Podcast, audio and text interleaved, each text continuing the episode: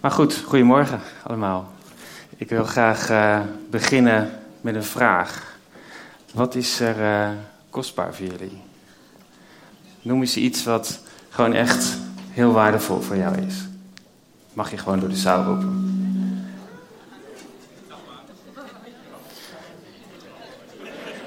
Ik hoor iemand uh, de naam van zijn vrouw roepen. Dat is, dat is lief, toch? Dat is heel mooi. Andere dingen. De kinderen. Dat is ook, dat is ook heel mooi. Jullie zijn ook helemaal niet materialistisch of zo, hè? Nee? Nee? Zijn er ook, niet, zijn er ook geen, geen tieners of jongeren die uh, heel erg gehecht zijn aan hun mobieltje? Dat is toch wel heel kostbaar? Nee? En die dingen worden ook steeds duurder. Hè? Als je de laatste iPhone hebt, dat is echt een vermogen eh, wat je dan kwijt bent.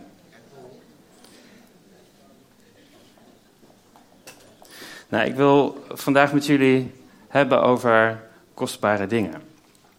En als er iets uh, kostbaar is, dan uh, is het misschien wel goud. Um, ik weet niet of iemand een gouden sieraden bij zich heeft, om heeft. Misschien moet je het niet zeggen, maar ik heb in ieder geval een gouden ring. maar goud is, uh, goud is super, super kostbaar. Dat weten we allemaal.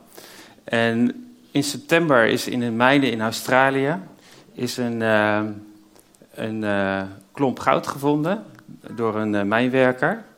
En dat was een klomp goud, de grootste die ooit gevonden is, van 93,5 kilo. Dus dat is echt super groot. En als je even naar de volgende slide gaat. Ik heb even de goudprijs erbij gezocht. Ik wil weten wat het kost natuurlijk. Maar uh, gisteren om uh, 9 uur 59 was de goudprijs ongeveer, uh, zeg maar, net geen 35.000 euro per kilo. Dus stel dat die goudklomp, dat ongeveer, nou, misschien iets meer dan de helft ook echt zuiver goud is als je eruit haalt. Nou, dan kom je dus zo op ongeveer 2 miljoen uit. En dat is echt superveel. Kostbaar. Zo, eens even kijken of ik nu mijn documenten bij heb. Maar goud, goud is kostbaar. En um,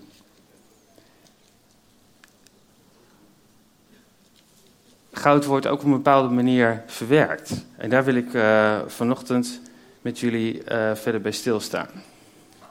Ik weet niet of je wel eens een goudsmid aan het werk gezien hebt. Um, maar een goudsmid die gooit werkelijk helemaal niks weg. En dat kan ik me ook wel voorstellen. Want het materiaal waarmee een goudsmid werkt is natuurlijk gewoon super duur. Dus zelfs het, het vuilsel en het stof, zeg maar, wat die, uh, misschien als hij net een braamrandje van een ring uh, dat, wordt, dat wordt hergebruikt.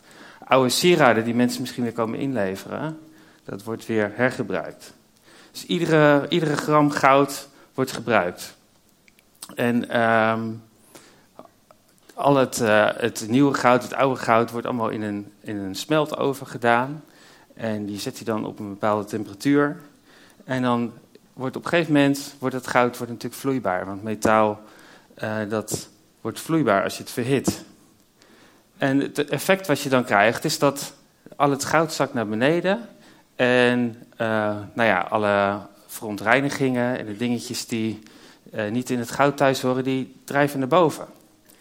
En dat gaat als het ware een beetje op het goud drijven.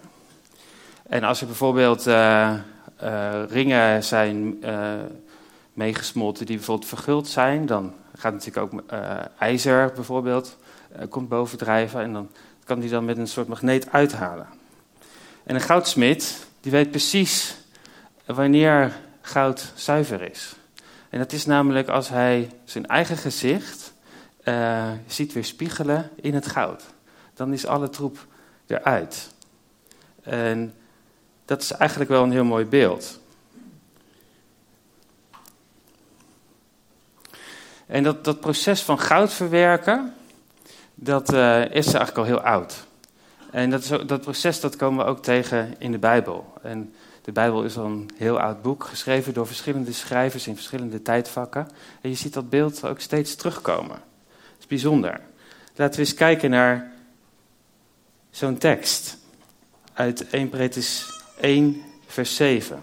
En ik heb vandaag de basisbijbel gebruikt. Vanaf vers 5 staat er het volgende. Gods kracht bewaart en beschermt jullie door het geloof. Zo kunnen jullie aan het eind van de tijd eeuwig leven krijgen. Wees daar blij over, ook al wordt jullie geloof nu op allerlei manieren op de proef gesteld. Maar daardoor zal blijken of jullie geloof wel echt is. Echt geloof is kostbaarder dan zuiver goud. Goud wordt in het vuur zuiver gemaakt. Zo wordt ook jullie geloof door het vuur van moeilijkheden zuiver gemaakt. En wanneer Jezus Christus terugkomt, zullen jullie door Hem worden geprezen voor jullie zuivere geloof. Dus hier in deze tekst wordt in één keer de connectie gemaakt tussen dat proces van het verwerken van goud met geloof. Met hoe we denken over God, hoe we denken over Jezus, wat we denken dat waar is over wie Hij is. En misschien uh, heb je wel het idee van hé, hey, er, is, er is een God. Of misschien zit je wel er veel persoonlijker in. Ik geloof echt in Jezus. Ik weet niet precies waar jij zit vandaag. Maar um, God, God is hier. Dat is wat wij geloven. En um, God wil jou vandaag ontmoeten. In alles waar je doorheen gaat in je leven. In waar je nu bent. In wie jij bent. En echt geloof is kostbaarder dan zuiver goud. Dat is de gedachte die ik vandaag centraal wil stellen. onze God is als het ware net als die goudsmid die uh, al het goud in die oven stopt en het dan laat versmelten. God kijkt naar ons als een kostbare grondstof, als zuiver edelmetaal. En het vuur van moeilijkheden, van dingen waar we doorheen kunnen gaan in ons leven, dat zuivert ons. En hij zuivert ons net zo lang totdat al die verontreinigingen um, zeg maar weg zijn. Net zo lang totdat hij, zeg maar zijn gezicht, in ons weerspiegeld zit. Net zo lang totdat zijn eigen beeld, zeg maar zonder vervormingen, uh, zichtbaar is in ons. Echt geloof is kostbaarder dan zuiver goud. En in het Nieuwe Testament benadrukken Petrus en Jacobus en Paulus ook dat eh, wat het is als ons geloof beproefd wordt. Het geloof dat is het metaal van buitengewone waarde. Um, wat pas zuiver is als het de vuurproef heeft doorstaan. echt geloof is kostbaarder dan zuiver goud. Laat me een voorbeeldje noemen. Tijdens het laatste avondmaal, het was uh, op het moment dat Jezus op het punt stond te lijden en te sterven aan het kruis voor onze zonde. Toen had hij een moment met zijn vrienden waarin hij uh, het avondmaal vierde, uh, waarin hij uh, brood en wijn deelde met zijn vrienden en, dat aan hen gaf. En tijdens die avond had Jezus ook een heel opvallend gesprek eigenlijk met Petrus, even één op één. En Petrus was een van de mannen die uh, al die jaren heel dicht bij Jezus had gestaan. Het waren vrienden geworden. En toch waarschuwde Jezus Petrus dat hij in verschillende situaties zou gaan ontkennen dat hij überhaupt Jezus gekend zou hebben. ondanks die diepe vriendschap, ondanks ook het geloof wat Jezus in Petrus had. Petrus had het geloof uh, dat Jezus de redder van de wereld was. Hij was de eerste die dat ook zo durfde te benoemen. Maar Jezus zegt ook iets opmerkelijks tegen hem. We kunnen dat lezen in Lucas 22, vers 32. Maar ik heb voor u gebeden dat uw geloof niet ophoudt. Maar gezien de, de druk die Petrus te wachten stond en ook de zwakheden in zijn karakter op dat moment, was het eigenlijk voor Jezus al duidelijk dat hij um, in de crisis zeg maar niet kon blijven staan. Dat het hem niet zou lukken om hem te blijven volgen. En vervolgens lezen we in dat verhaal dan ook um, dat er echt druk op Petrus komt, dat verschillende groepen hem aanspreken en dat Petrus zegt dat hij Jezus niet kent. En hij zweert daarbij en um, het is een heftig verhaal. De vriendschap die, die ontstaan was, die wordt in één keer ontkend. Maar Jezus had voor Petrus gebeden dat zijn geloof um, ja, het, het door die situatie heen zou houden.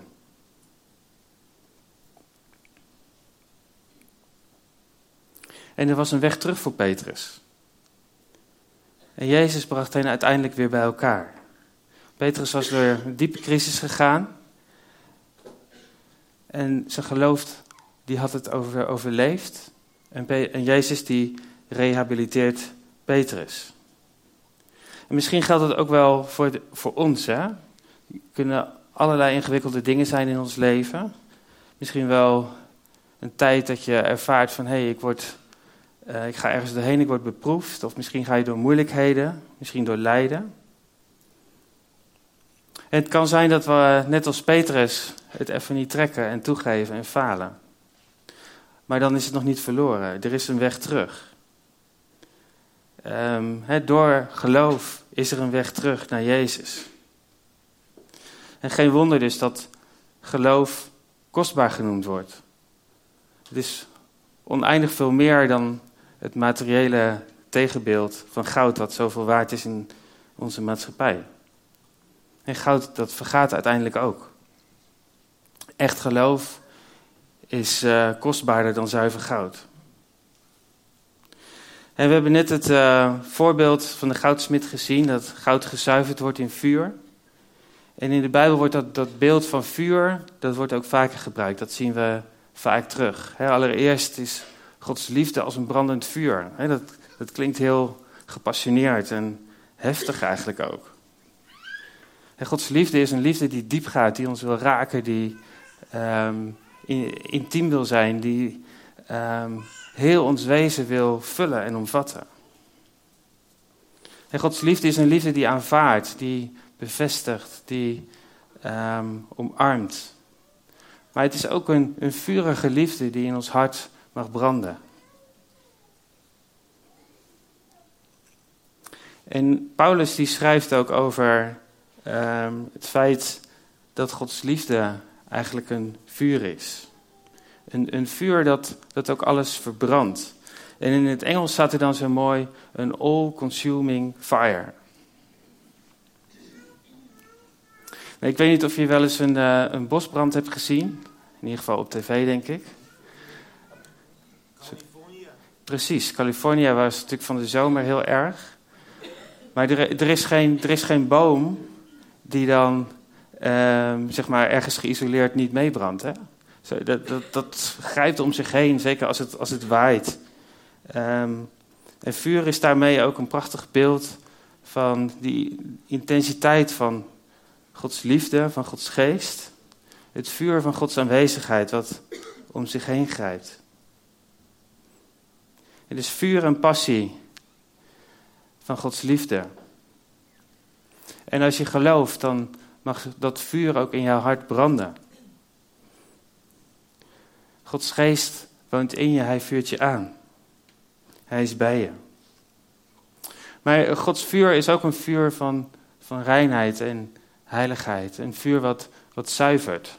Wat, um, ja, net als in het beeld van de goudsmid, dat de verontreinigingen um, naar boven komen. Dat het edelmetaal zuiver wordt. En zo gebruikt God zijn geest om in ons leven dingen uit te werken.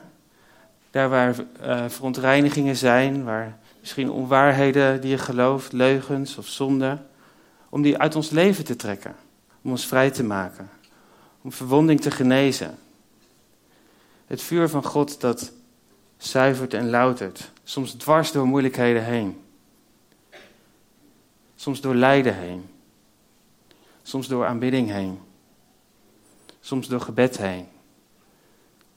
God wil ons ontmoeten in zijn liefde, in zijn vuur.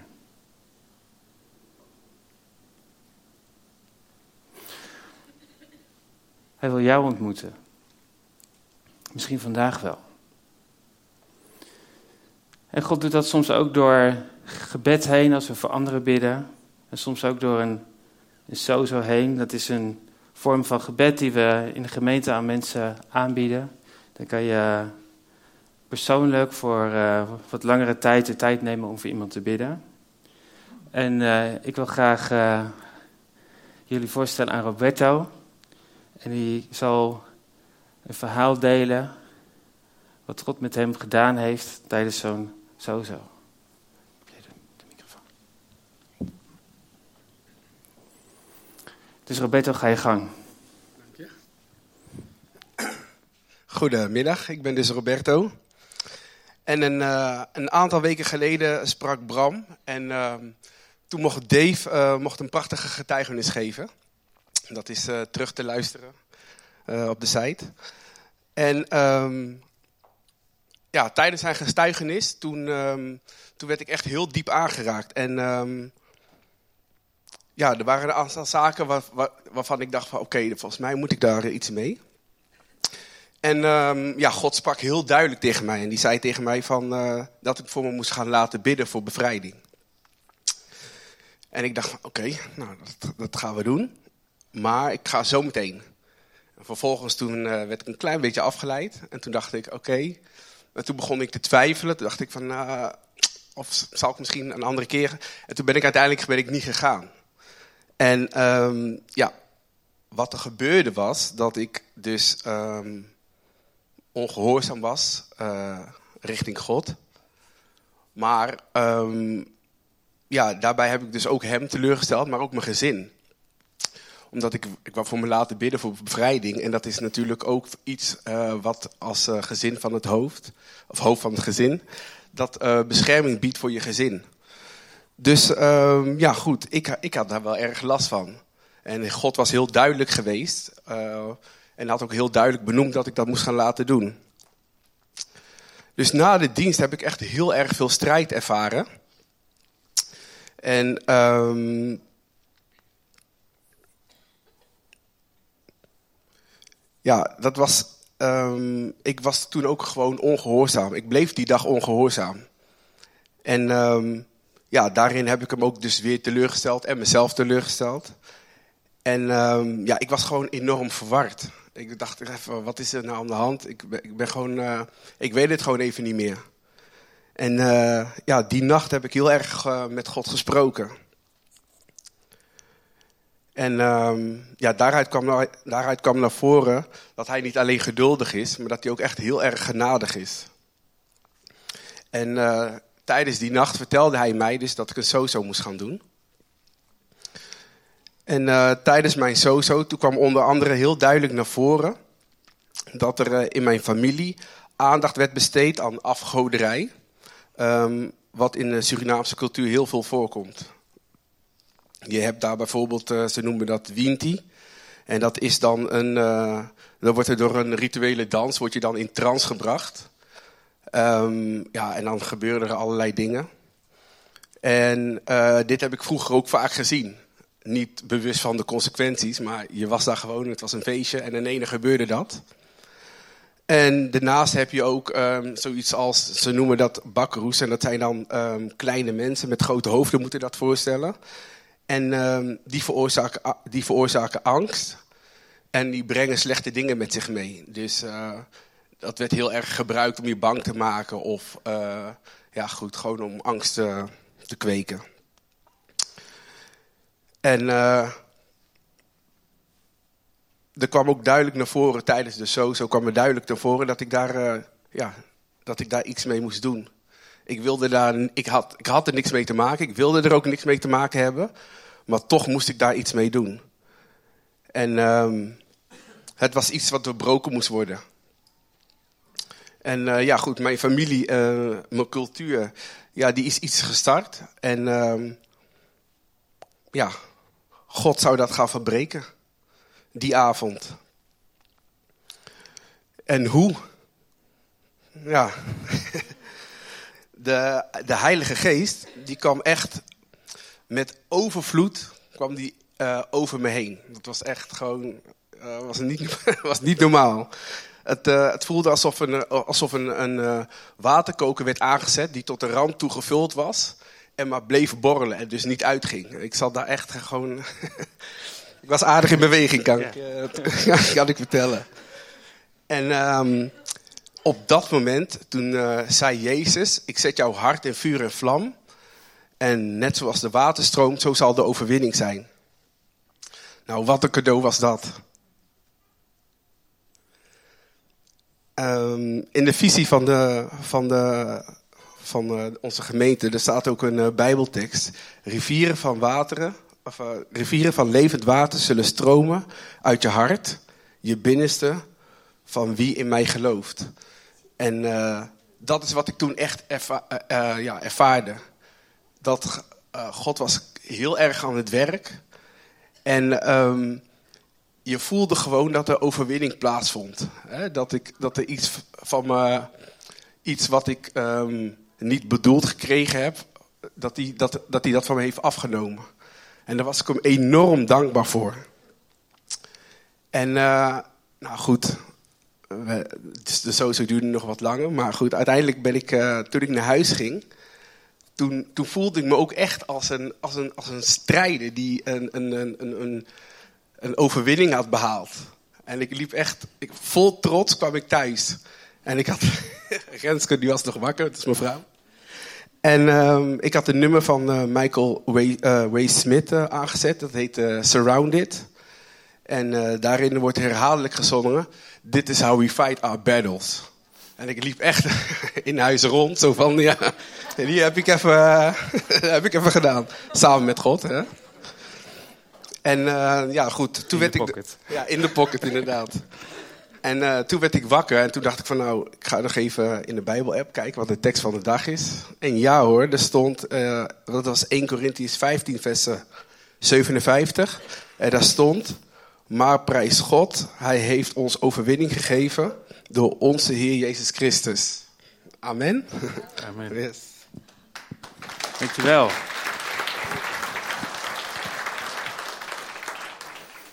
Ja, het vuur van de Heilige Geest wat dingen zuivert en dingen opruimt. He, zelfs dingen waar Roberto eigenlijk persoonlijk uh, geen verantwoordelijkheid voor draagt, maar dingen die dan in zijn familie uh, doorwerken, door de, de lijn van de geslachten heen. En wat, wat overblijft is puur. En um, echt geloof is kostbaarder dan zuiver goud. Wauw. Nou, vandaag, uh, vandaag gaan we Nienke dopen. En je, je vraagt je misschien uh, af wat dopen is. Um, Nienke heeft dat misschien al uh, een beetje geprobeerd uit te leggen als je vandaag als gast in ons midden bent. Maar je zou het eigenlijk als volgt kunnen verwoorden. Dopen is eigenlijk niet langer proberen zelf je hoofd boven water te houden. Dus dat is dan misschien ook maar het beste om te doen. Hè? En Nienke zal straks ook uitleggen waarom ze zich uh, laat dopen. En waarom uh, ze niet langer haar hoofd boven water wil houden. En ook haar verhaal, wat ze straks zal vertellen, dat uh, zit in de lijn van waar we met elkaar vanochtend over nagedacht hebben. Over wat echt kostbaar is in het leven. En ook een proces van gezuiverd worden.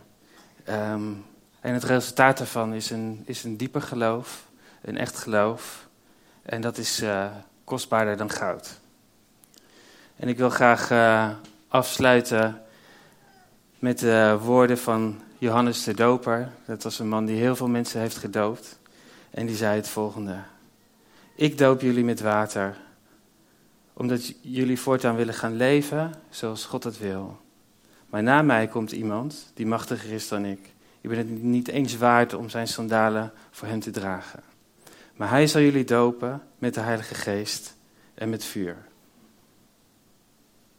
En mag dat vuur ons ook reinigen. En het is tijd om, uh, om te gaan dopen. Janneke, wil jij erbij komen?